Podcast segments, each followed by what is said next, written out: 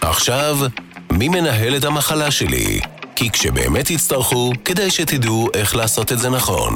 בהגשת חני שפיס ודני אנגל.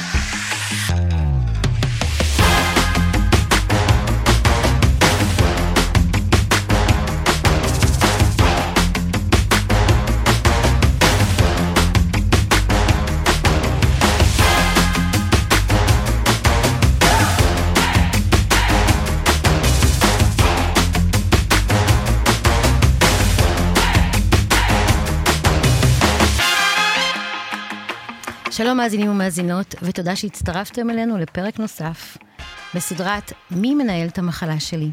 איתי כאן דני אנגל, מנכ"ל הרצליה מדיקל סנטר. אני חני שפיס, יועצת, מרצה בתחום הבריאות אובייקטיבית. בוא נדבר היום, דני, על כסף. היי, חני. אהלן. אומרים תמיד שרפואה זה מעל הכל ומעל הכסף. אז היום ננסה לפצח את זה, זה לא תמיד ככה. לגמרי. אני באמת חושבת שמסע מטופל בישראל, לא מספיק שרצוף בקשיים של רופאים ומערכות, אלא מי מממן את המחלה שלי? מי משלם על זה? אז היום נעבור על כמה תחנות מאוד חשובות שצריך לעצור בהן כשאתה נתקל באירוע רפואי. אז בוא נתחיל בתחנה הראשונה, קופת חולים. אני אספר לך ככה, קודם כל, יש לי קצת... אה, teasing שאני עושה לחברים בסלון, ואני תמיד אומר להם שהאימא היהודייה היא לא כזאת טובה. היא תמיד הולכת עם הילד לקופת חולים, ואז היא הולכת לגנקולוג פרטי. אז בואו ננסה רגע לעשות את הסדר הזה.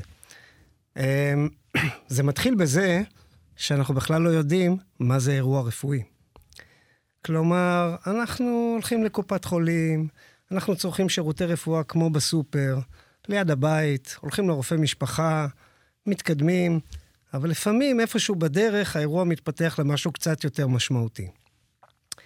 והמשהו היותר משמעותי הזה הוא הנקודה הזאת שאנחנו הופכים מצרכנות רפואית רוטינית ביתית למשהו שאולי הופך למה שאנחנו קוראים אולי מקרה ביטוח. והמקרה הזה והנקודה הזאת היא נקודה שאנחנו כאזרחים לא יודעים לזהות אותה. כשאנחנו עושים תאונת דרכים, כל אחד מאיתנו, פעם היינו יוצאים דף ועט, היום אנחנו יוצאים עם טלפון, מתחילים לצלם את הנזקים, מתחילים לצלם את המספר, לצלם תעודת זהות, ובעצם מה אנחנו עושים?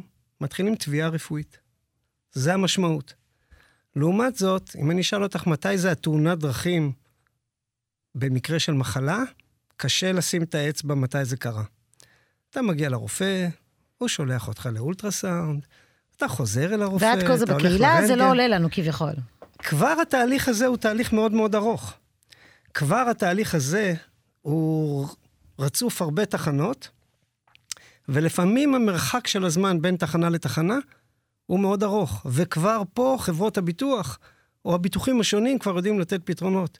אנחנו בהרצליה למשל נותנים שירותים שנקראים אבחון מהיר ו-Medical Now, שירותים שהם באמצעים פרטיים, חלקם מבוטחים יותר, חלקם מבוטחים פחות, אפשר לקבל את השירות מהיר, את כל התחנות בסיבוב אחד, ולא כל תחנה, שבועיים, שלושה, חודש, בין תחנה לתחנה, בכל תהליך הבירור הזה. אז הנקודה החשובה ביותר, זה שנעשה את הקורלציה בין מה שוכב לנו במגירה 10-15 שנה, אותה, אותו ביטוח שקנינו פעם, זה כבר לא במגירה היום, זה במחשב, באיזושהי ספרייה או משהו כזה, ומתי הנקודה שבעצם נכנסתי לזכאות הזאת. זה הנקודה הראשונה. יש לי ביטוח אמבולטורי, אין לי ביטוח אמבולטורי, יש לי רק ביטוח לניתוחים, אין לי ביטוח לניתוחים. זאת אומרת, הנקודה הזאת היא שזה בעיקר מודעות. אנחנו צריכים לזכור מה שוכב לנו שם במגירה, מה קנינו לפני עשר שנים אה, בביטוח המשלים, או בביטוח הפרטי, או באיזשהו ביטוח. לחלוטין. אנחנו גם כל הזמן מקטרים שאנחנו משלמים כל כך הרבה, וכשמגיע האירוע, אין לנו מושג איך להשתמש בזה. נכון. אז אני חושבת שטיפ אחד שהייתי אומרת, כשמתחילים אירוע מורכב, עזוב קורונה, שפעת, אפשר להתגבר על זה. כשמתחילים אירוע מורכב שדורש רופאים מומחים, ייעוצים, בדיקות, פיזיותרפיה, שיקום, ניתוח, תרופה, להכין מפה כלכלית, להתחיל באיזה ביטוחים יש לי. לפתוח את המגירה. לגמרי, כי אתה יודע שהרבה פעמים כשאתה יודע איזה ביטוח יש לך, אתה מרגיש נורא נוח ללכת לרופא פרטי כי יש מי שישלם. נכון. או לקצר תור ל-MRI כי יש מי שישלם. אז תחנה של אבחון מהיר היא, היא סופר חשובה, אני רוצה להגיד לך שאנשים מאוד אוהבים את זה, של לעצור שנייה אחת באיזשהו מקום, שהוא סוג של מיון חירום, אני קוראה לזה פרטי. בירור אה, חירום, בוא נעשה לגמרי, ככה. שגם התורים נורא מהירים, הבדיקות נורא מהירות, ויש את זה לאנשים לפעמים בביטוחים והם לא יודעים את זה. נכון. אז בואו נמצא שנייה אחת את קופת חולים, משרד הבריאות, קופות חולים, שב"נים. שימו לב, אתם מחזיקים גם ביטוח בריאות ממלכתי, שזה רופא הקהילה, וגם אפשרות לתבוע ייעוץ פרטי במושלם, נכון? בביטוחים המשלימים. נכון, אז אני אה, הייתי אומר ככה, אה, כל עוד אנחנו צורכים את השירותי רפואה אצלנו בבית, ליד, בסניף בבית, הכל טוב. כנראה שהרפואה הציבורית, והיא טובה, נכון. והיא נגישה, והיא קרובה לנו לבית. לא צריך להתחיל לבדוק את עצמנו מה קנינו, מה יש לנו, מה פה. מהרגע שהבעיה הרפואית היא טיפה יותר מורכבת, שדורשת עכשיו כבר יציאה מהסניף ברחבי העיר לכל מיני מכונים רפואיים כאלה או אחרים, אם אנחנו רוצים לקחת control על עצמנו, אם אנחנו רוצים לנהל את האירוע ושלא מישהו אחר ינהל אותו עבורנו, את הלוחות זמנים ואת הדחיפות, קודם כל תפתח את המגירה, תנסה להיזכר מה קנית בדיוק. לפני שנים רבות, ותפעיל אותו. בין אם זה שב"ן, או בין אם זה אה, אה, ביטוח פרטי. ואגב, לא חובה. אם הכל עובד וזורם מהר, כל עוד אתה מרוצה, לא צריך. להשתמש בפרטי, לא צריך נכון להשתמש. ההפעלה צריכה להיות רק אם אתה מרגיש שזה לא עובד בקצב שלך, או לא עובד באמצעות הספק שהיית רוצה, במקום שנוח לך, על ידי הרופא שאתה רוצה לבחור ושלא בחרו אותו עבורך. רק בנקודה הזאת, זה הנקודה שהייתי מתחיל לבחון את האפשרויות. וכאן אנחנו עוברים מדרגה, מהמדרגה של ביטוח ממלכתי, שנותן לנו כיסוי רחב ומלא, אבל לא תמיד בצורה שאנחנו רוצים, לשכבה הבאה, ביטוח משלים. לרובנו יש ביטוח משלים. רק בואו נסבר למאזינים, כי יש כאלה שלא מבחינים בין משלים לפרטי. כשאומרים משלים, זה למעשה, קופת חולים. הכסף שאתם משלמים בהוראת קבע כרטיס אשראי למושלם שרכשתם בקופת חולים. נכון. מכבי זהב, כללית מושלם, מאוחדת עדיף, לאומית זהב. זה הביטוחים שרכשתם, זה לא ביטוחים, זה תקנון, תמיד מתקנים אותי, כי זה תקנון, אבל זה למעשה כיסוי שרכשתם ללא הצהרת בריאות, בעלות נוספת פרטית, ולא לכולם יש. אתה יודע שיש שתי מיליון ישראלים שאין להם שב"ן, אין להם מושלם. נכון. זה יכול להיות או בגלל שהם לא צריכים, או שאין להם כסף לשלם או גם שאין את זה. להם כסף, נכון. אבל 75 אחוז, 80 אחוז מהאזרחים מחזיקים ביטוח משלים. אנחנו קוראים לזה ביטוח משלים רק לצורך... זה- הסמנטיקה, זה הטרמינולוגיה לא לא ביטוח. נכונה, נכון. אבל זה שירותים נוספים, אוקיי? שהם זכאים. השירותים האלה זה כמו שאמרת, אני ממליץ כן ללכת על השירותים המשלימים, בדיוק מהסיבה שאמרת. זה לא דורש שום חיתום רפואי, אין התניות, אני יכול להיכנס להיות מבוטח בשירותים הנוספים האלה, או לקבל את הזכאות לשירותים הנוספים האלה, גם כשאני חולה, גם כשאני זקן, ומה שכל אחד צריך לשאול את עצמו, יש לי הוראת קבע בקופה, או אין לי הוראת קבע בדיוק. בקופה? אם יש לי הוראת קבע בקופה, יש לך ביטוח משלים. כי אחרת אתה לא צריך לשלם שום דבר לקופת חולים. קופות חולים ברמה הבסיסית לא צריכים לשלם להם.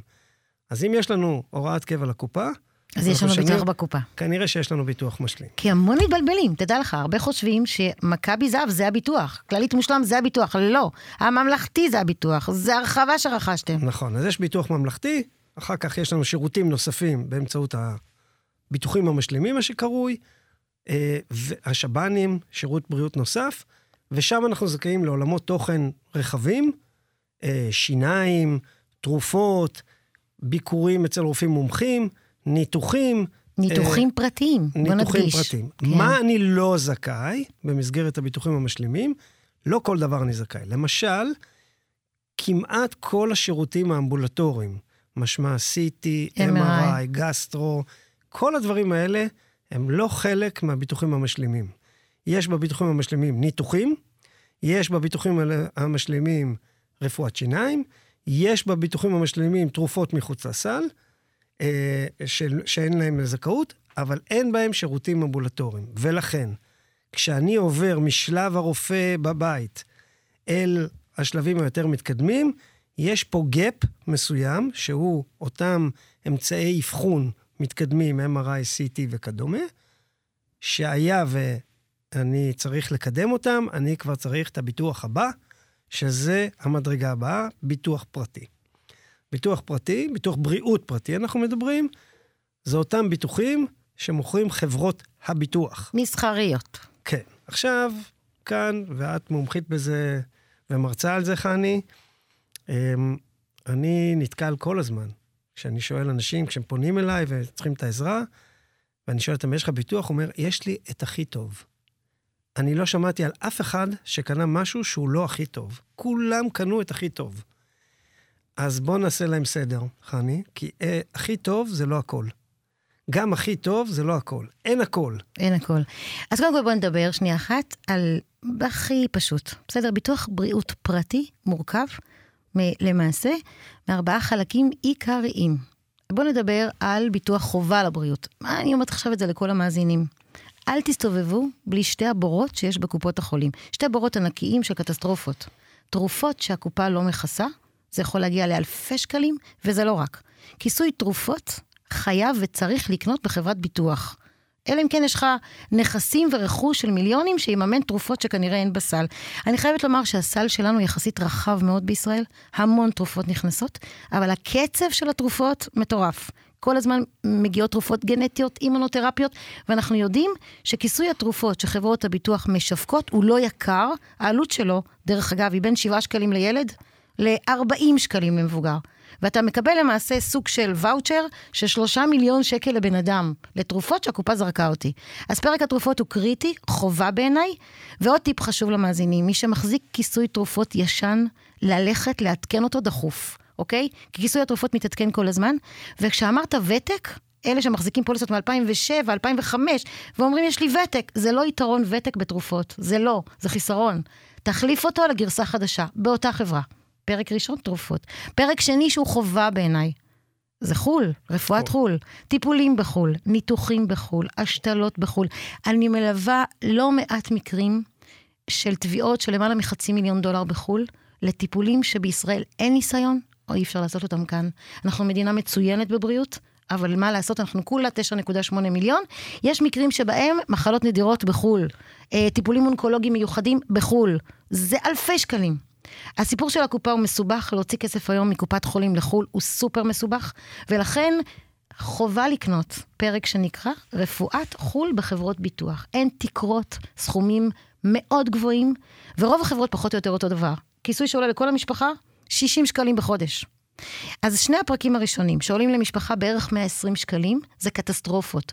תרופות ורפואת חו"ל. זה basic. basic שחייבים כל הזמן לעדכן אותו.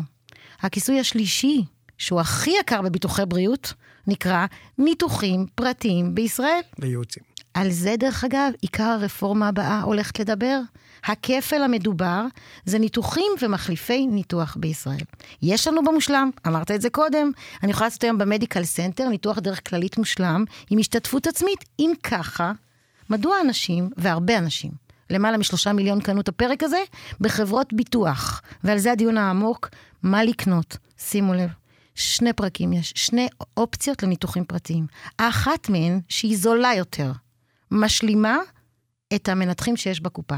אם יש מנתח שעובד עם חברת ביטוח ולא עובד עם קופת חולים, אני אקבל אותו. טכנולוגיה שהקופה דחתה אותי, אני אקבל אותה. יש תוכנית שנקראת משלים קופת חולים. משלים שב"ן, זולה יותר. זאת התוכנית לדעתי שתשווק בשנים הקרובות ביתר סט, כי אין בה כפל. והפרק השני נקרא ניתוחים מהשקל הראשון, היקר ביותר, ואומר, לא מעניין אותי מה יש לי בקופה, אני באה ישר לחברת ביטוח.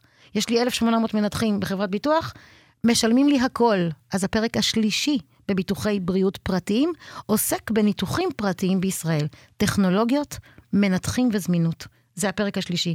הפרק הרביעי בביטוחים פרטיים, שהוא לא חובה, הוא nice to have, אבל הכי הרבה משתמשים בו. שירותים אמבולטוריים. MRI, CT, פיזיותרפיה, בדיקות הריון, התפתחות הילד, רפואה משלימה, פרטי.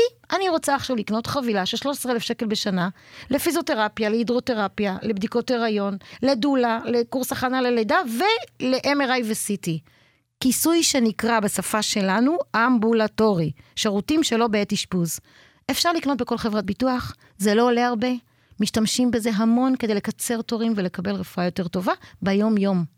אם ככה, ביטוח בריאות פרטי מורכב מארבעה חלקים, שני הראשונים קריטיים בעיניי, תרופות ורפואת חו"ל קריטי, ניתוחים פרטיים בישראל זה למטיבי לכת, למי שיודע להשתמש, מי שיודע ללכת לרפואה פרטית בניתוחים, והפרק האחרון שנקרא אמבולטורי, הוא הפרק שמשתמשים בו הכי הרבה, לכן הוא גם כלכלי לרכישה. ביטוח בריאות פרטי עולה היום כ-400 שקל לחודש למשפחה. לא כל אחד יכול להשיג את זה, לכן תשחקו טיפה עם הכיסויים. תלוי בגיל של המשפחה גם. לגמרי. גיל, מצב בריאותי וכאלה. אנחנו אבל גם חייבים לשים כמה סימני תמרורי אזהרה, אוקיי? ובכל זאת אנחנו... יש ביטוח משלים, או מה שקראנו לו ביטוח משלים, ויש את הביטוח הפרטי, אוקיי? לכאורה יש כפל ביניהם, אוקיי? אה, ואולי אפילו לא לכאורה, וזה באמת, כמו שאת אומרת, הרפורמה עכשיו אה, מנסה להתעסק עם זה, אוקיי? אז בואו נסביר רגע מה זה אותה רפורמה.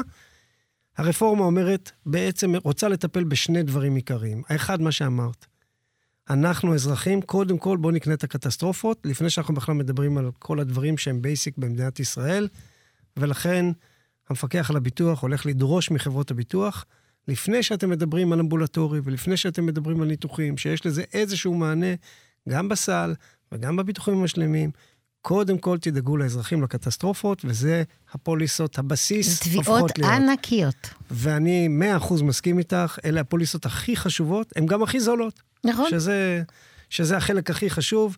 אנחנו רוצים לשלם אותם ולא להשתמש בהם. זה הפוליסות שאנחנו ממש ממש לא רוצים להשתמש בהם, כי זה הקטסטרופות.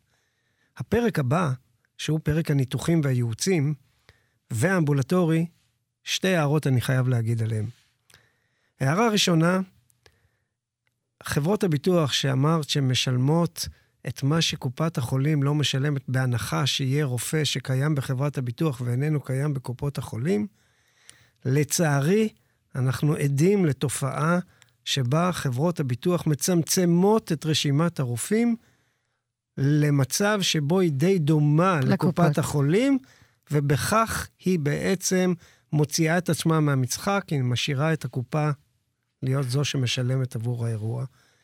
זה אה, אה, משהו שצריך לשים לב אליו. גם אם קניתי ביטוח, אני לא בהכרח יכול לבחור את הרופא שלי, אלא אם הוא נמצא בהסדר עם המבטח. ולכן, מי שמחזיק פוליסה ישנה יותר, שבה אין מגבלה של רשימת הרופאים, שלא יבטל אותה כל כך מהר, גם אם הסוכנים או מישהו מציע לו, שיבדוק טוב טוב טוב אם הוא רוצה להגביל את עצמו לרשימת הרופאים. לעתים היא טובה, אבל היא לא בידיים שלך ואתה יכול לשנות. הדבר האחרון זה הנושא של האמבולטורי. שירות אמבולטורי מהיר לא יכול להיות מובטח על ידי חברת ביטוח, אין כזה דבר בביטוח. ביטוח לא מבטיח מהירות. מי שמבטיח מהירות זה ספקי שירותי הרפואה. בית החולים, אנחנו יכולים להבטיח מהירות. אני יכול להחליט שאני עובד בלילה, ביום, שבעה ימים בשבוע או חמישה ימים בשבוע, ואנחנו בעצם מציעים את השירותים. מה שצריך לבדוק זה שחברת הביטוח תכיר בהם. ולכן, מי שרוצה שירות רפואי מהיר, צריך לוודא שחברת הביטוח שלו מוכנה לשלם את השירות המהיר הזה בספקים השונים שמציעים אותו. אני רוצה להגיד הערה לגבי אמבולטורי. במרבית החברות, באמבולטורי אין רשימה. אין רשימה וגם אין נכון, מכונים. זה נכון, כסף. נכון, מגישה נכון. כסף, מקבלת 80 מהיר, אחוז. אז אני רוצה להגיד משהו אפרופו אה, מסע כלכלי של מטופל. כשמתחילים אירוע, התביעה הראשונה שמגיעה זה חוות דעת שנייה אצל רופא. אתה הולך לרופא, משלם לו 1,200 שקלים, אתה יכול לקבל כסף וזה הרבה לא יודעים. גם מחברת הביטוח, את אותם 800 שקל שהם התחייבו לתת על רופא, וגם לפעמים דרך המושלם, עוד 600 שקלים כפול 3. אם הרופא עובד כיועץ גם עם הקופה, אתה יכול לקבל תיאורטית, עד 1,400 שקל לייעוץ. נכון. לשים לב להגיש לשניהם. MRI אפשר להגיש רק לחברת ביטוח, כי המושלם לא מכסה. אוקיי? זה לגבי מימוש לגמרי. אבל מאחר ונשאר לנו לא הרבה זמן, אני רוצה לעבור לתחנה הבאה. תחנה אה, שמחוץ לעולמות ביטוחי הבריאות. שמחוץ לעולמות הביטוח. כן. עוד מאיפה, אה, מאיפה מגרדים עוד כסף אם אני חולה? בואו נדבר על זה רגע. ואני חושבת שהתחנה הבאה צריכה להיות מקום העבודה שלכם, חברים. אני כמעט בטוחה שהרבה אנשים שעשו להם פנסיה, פתחו להם פנסיה, אין להם מושג שיש להם אובדן כושר עבודה. שכירים יקרים, אם חליתם, בטח להגיש תביעה למקום העבודה. כי יש לכם ביטוח שנקרא אובדן כושר עבודה מתאונה או מחלה, שאומנם משלמים רק אחרי 90 יום, כי 90 יום זה ביטוח לאומי, אחרי 90 יום אתם יכולים לקבל 75% מההכנסות שלכם, אם רופא מוצא שאתם לא מסוגלים לעבוד. אז התחנה הנוספת שבה אפשר לכלכל את עצמך כשאתה חולה, ויש לך המון הוצאות, זה אובדן כושר עבודה. לשים לב לפנות לסוכן, לסוכן הפנסיה, למעסיק, ולבדוק מה מגיע לי באובדן כושר עבודה. עצמאים זה סרט. אני רוצה עצמאים זה, זה קצת מסובך, ועדיין הם יכולים לתבוע בביטוח לאומי סוג של נכות כללית ונכויות אחרות. תכף נגיע לתחנה של ביטוח לאומי. אז התחנה של ביטוח לאומי היא תחנה בכלל אה, קצת מורכבת. לגמרי. אה, פרק שלם נקדיש לביטוח בדיוק. לאומי. היכולת אה, לממש את הביטוח הזה היא כרגע עדיין מורכבת. הרבה מאוד פעמים צריכים אנשים כמוך שיעזרו בכל ההכנה, ושיבינו בכלל אם יש סיבה להיכנס לכל התהליך הארוך הזה. אבל יש עוד ביטוח אחד, שהוא לא ביטוח uh, בריאות, אבל הוא קשור לבריאות, וזה ביטוח מחלות קשות. אה, טוב, טוב, טוב שנזכרת בו. ביטוח של כסף. נכון. בעצם אנחנו מבטחים כסף. קנינו כסף. קנינו כסף. אנחנו רוצים uh, לזכות בפיס אם אנחנו חולים בסרטן. כן, זה רולטה. זה כן. ממש רולטה, יש שם 40 לא, ג'יפות לא או מחלות. לא כיף להגיד את זה, אבל בוא נסביר אותו כן. רגע, בסדר? את תשלימי אותי? אנחנו, אנחנו מדברים בעצם על ביטוח שאומר, היה וחלית במחלה מורכבת, רשימה של מחלות מוגבלת, לא הכל, אתה זכאי לסכום כסף. כמה סכום כסף? כמה שתקנה, מראש. תקנה מעט, תקבל מעט, תקנה יותר, תקבל יותר. עד 700 אלף בכל חברה. הרעיון זה שאם אתה חולה, ככל הנראה יכול להיות לך פגיעה בהשתכרות, יש לך הוצאות נוספות, יש לך רכיבים נוספים שלא חשבת עליהם, ולכן בעצם זה ביטוח שהוא אוטומטי, אין בו התניות, אין בו כלום. יש מחלה, יש כסף, נגמר נגעת סיפור. נגעת נסעת. נגעת נסעת, אתה בעצם קונה תוכנית חיסכון pending אה, מחלה. זה פחות או יותר... אה, אני, אז, אה, אני, אז אני פשוט אעשה את זה יותר, יותר פשוט. מוצר הוני, אה, למעשה כל חברות הביטוח משווקות מוצר שאתה יכול לקנות עד 700 אלף שקל בכל חברה, סכום צמוד למדד, הוני, שיושב בחברת הביטוח ועומד לרשותך אם חלית באחת מהמחלות או התאונות שנמצאות במוצר שנקרא מחלות קשות. זה לא רק מחלות, זה גם תאונות, אני חייבת לומר. יש שם כוויות קשות, פגיעה מוחית מתאונה, זה לא רק מחלות. מוצר בעיניי סופר חשוב, מעמד ביניים שאין לו מספיק רזרבות לממן שהות ארוכה ואובדן הכנסה כתוצאה ממחלה קשה. אין ספק שזה אחד המוצרים הכי מעניינים לילדים למשל. ילד, אתה קונה מוצר ב-20 שקלים בחודש, 300 אלף שקלים, אם הילד חלילה חלה במחלה מורכבת, כמו סכרת נעורים, כמו עקביות קשות, או פגיעה אחרת, המשפחה מקבלת 300 אלף שקל צמוד למדד, כשהמחלה מתגלה. לא טיפול, לא קבלות, פיצוי, אוקיי? אני קוראה לזה תמיד קרן הון סיכון למשבר רפואי. זה קרן הונית זה פיננסי לחלוטין. אתה שם כסף בצד, ואם חלילה חלית, הכסף עובר אליך במזומן, בערך שבועיים-שלושה מגילוי המחלה. מוצר סופר חשוב למעמד ביניים, והוא יכול לתחזק בהחלט אובדן כושר עבודה, למי שאין או מי שרוצה להשלים אותו. אז קודם כל אהבתי את הקרן הון סיכון לאירוע רפואי. זה קרן הונית. כן. אה, יש עוד, לא בטוח שאנחנו יכולים לגעת בזה היום, אבל חשוב שידעו, אוקיי? אה, יש נושא של אה, נכות, נכויות, שזה לכל החיים לפעמים, שקשורים באירוע רפואי. אה, יש לנו אה, נושאים שקשורים בהטבות מס, מס הכנסה. ודברים כאלה, שקשורים באירוע רפואי. זה ביטוח לאומי, נכון. הטבות מס, שירותים מיוחדים, נכות כללית, אה, קצבת ציוד. ובדרך כלל, אה, לא יכולים אולי לעשות את זה במקומך, אבל לפחות יכולים להאיר באלף את עיניך, בבתי החולים, על ידי עובדות סוציאליות שיודעות שזאת עבודתם, והם עוזרים, אז ת... תעזרו בהם. תעזרו בהם. לגמרי. בדיוק. אני רק רוצה לתת טיפ אחרון, וזה משהו שקשור לעמותות וקהילות. נכון שביטוחים וקופות חולים זה אחלה. חבר'ה, יש היום בישראל מאות עמותות שמסייעות גם בהשגת תרופות, גם בייעוץ משפטי, גם בגיוס קמפיינים לכסף. זאת אומרת ש... אני כל כך שמחה שיש לנו עם כל כך נדיב לפעמים, ורשימת העמותות יכולה לעזור בכל כך הרבה תחנות של מטופל, שקשורות גם לסיוע כלכלי, לסיוע משפטי, לסיוע סוציאלי. כל מחלה כמעט הקימה עמותה. כמעט כל מחלה יש לה עמותה. אז תעזרו בעמותות. והדבר הנוסף שאני רוצה להגיד, אגב, אני לא זה יודע אם. החרדים ישמעו אותנו, חני, וואו, אבל החרדים נכון, יכולים נכון. ללמד את כולנו לחלוטין בנושא של ערבות הגמחים הדדית. והעמותות. לגמרי. יש, אה, אתה יכול לתת בתחום הפריה חוץ גופית, אוקיי? יש ארגונים, אנחנו עובדים למשל מאוד צמוד עם ארגון שנקרא בוני עולם. הוא עוזר לזוגות שצריכים לעבור טיפולי הפריית מבחנה. יש בזה עלויות כרוכות בזה לא, לא מבוטלות, הם עוזרים להם. אה, יש עוד ארגונים, הם לא היחידים, אבל אה, בהחלט, אני מסכים איתך, יש פה הרבה ואפשר להתעניין. קהילות שלמות. אז בואו נסכם את המפגש שקשור לכסף, משהו שאנחנו לא אוהבים לדבר עליו, אבל אין מה לעשות. מחלה דורשת כסף. זאת השיחה. מישהו פעם אמר לי ש... אה, אני, שלפעמים אני, כסף קטן, חיים. טיפול דורש כסף. טיפול דורש כסף. כן. ולא דיברנו על הנפשי בכלל. לצערנו, מחלה לא לא נכנסנו דורשת לבריאות כסף. הנפש, שזה עולם בפני עצמו. אז אה, אני רק רוצה לסכם ולומר שרבים מאיתנו מחזיקים ביטוחים, רבים מאיתנו מושלם, כללית, אובדן מלא. כאילו כשחולים, סוף סוף מתחילים גם להסתכל על החוברות. מה מגיע לי באמת? אז תכינו לכם לפני שאתם נכנסים לתוך אירוע רפואי, איזשהו סוג של מפה, מה יש לי ומה אין לי, ותערכו בהתאם. כי אני חושבת שידע פה שווה הרבה מאוד, זה חוסך הרבה מאוד תסכולים. אה, אה, בעיניי אה, מלווים משפחה, זה מאוד עוזר.